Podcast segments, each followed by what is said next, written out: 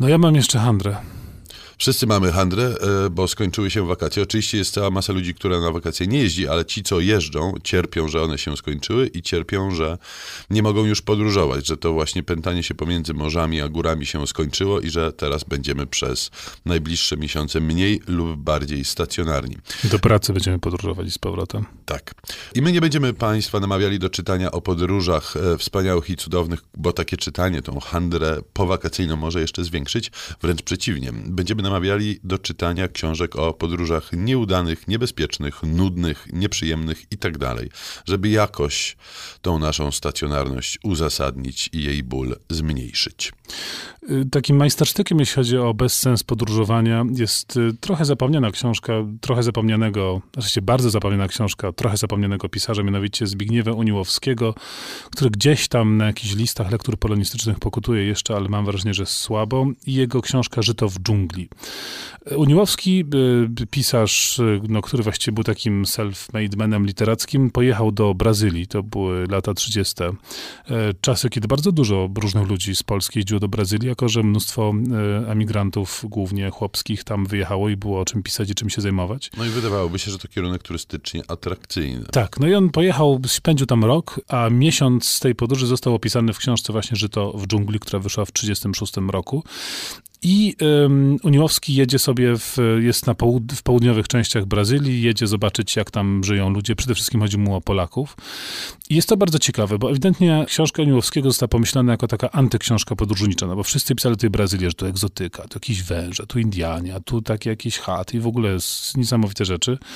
Pod pyrem Uniłowskiego Brazylia wydaje się po prostu nieprawdopodobnie nudna. Tam po prostu nic nie ma ciekawego. Jedzie się, pejzaż nieciekawy, ludzie nieciekawi, banalne rozmowy, zupełnie nic się nie dzieje nie ma na czym oka zawiesić. Brazylia jest długa, duża, szeroka i nic.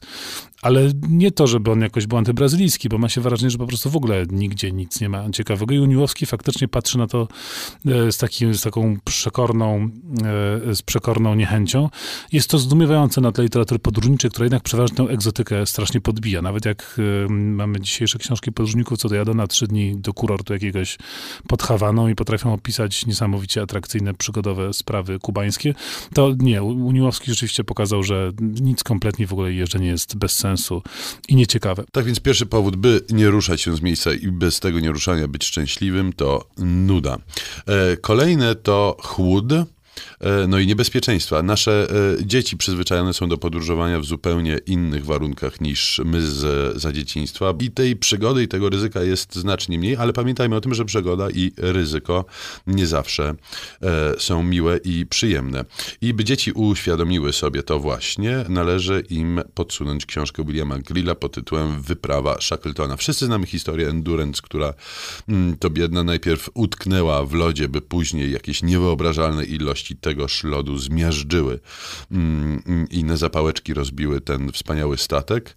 Ale William Grill opowiada z dużym szczegółem o tym, jak Shackleton się do tej wyprawy przygotowywał, dlaczego w ogóle postanowił e, podróżować. To jest bardzo ładnie, graficznie zrobiona książka Właśnie, tam rysunki są jednak fundamentalną częścią tej książki. One są przepięknie zrobione, tak, tak yy, kredkowo powiedziałbym. Tak, rzeczywiście kredkowo-świecowo by się, by się chciało rzec, ale też jest jak gdyby ta wyprawa rozłożona na czynniki pierwsze, bo tam pokazane są a to sprzęty, które zostały wzięte e, i tak ładnie ułożone obok siebie, a to psy, które też są wszystkie z imienia Taki e, alfabetycznie trochę. wymienione, a to no właśnie ciekawe postaci, które z Shackletonem podróżowały, mm, ale są też takie, powiedziałbym, dość przerażające e, ilustracje pod tytułem Bezkres lodu, czy Bezkres zimnego lodowatego oceanu, po którego środeczku malutka łódeczka sobie płynie. Więc jest to książka E, wychładzająca, którą najlepiej czytać właśnie pod kocykiem, nie ruszając się z domu. No a o bezsensie podróży porozmawiamy jeszcze po przerwie.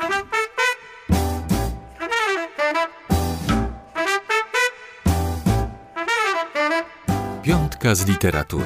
Polecają Szymon Gloszka i Tomasz Pindel z Instytutu Książki. Kolejne trzy powody, dla których e, walizki trzeba jak najszybciej rozpakować i wrzucić na Pawlacz, zapominając o podróżowaniu, przed nami.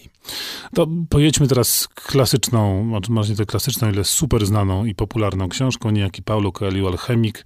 To może być dziwne, że mówimy o tym autorze, ale jeśli chodzi o bezsens podróżowania, to Alchemik jest przykładem znakomitym, bo ktokolwiek czytał, a zdaje się parę milionów ludzi albo i miliardów y, na świecie przeczytało tę książkę.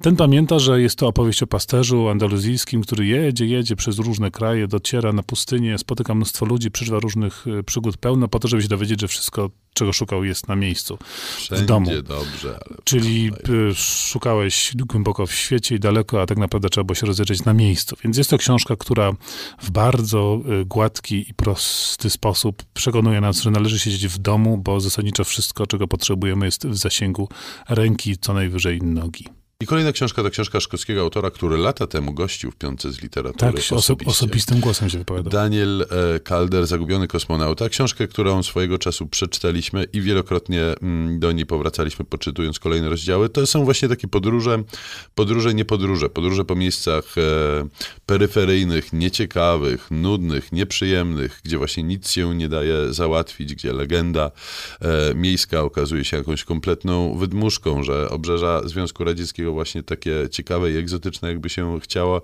nie są.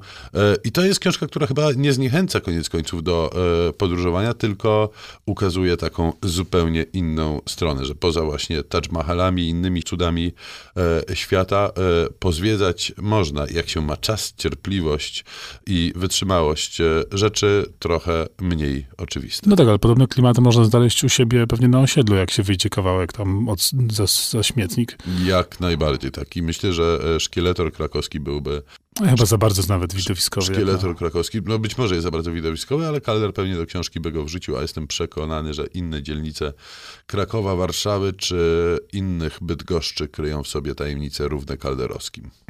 No i na koniec książka trochę bardziej dramatyczna, pokazująca no jednak tragizm podróży jako taki. Juan Eslava Galan, hiszpański pisarz, którego kilka książek po polsku już wyszło, a pierwsza z nich to było Na tropie jednorożca lata temu. I to jest książka wbrew tytułowi nie fantazy, tylko historyczna historyczna opowiadająca perypetie rycerza Juana de Olit, który otrzymuje od hiszpańskiego, kastylickiego króla misję y, odnalezienia jednorożca i ma przywieźć róg jednorożca z głębokiej Afryki, jako że róg ten jest niezłym lekiem na pewne męskie dolegliwości y, króla. No i jest to wspaniała książka opisująca podróż przez Afrykę, przez całą Afrykę. On rzeczywiście od y, Maroka do samego południowego czubeczka dzisiejszego RPA właściwie dotarł.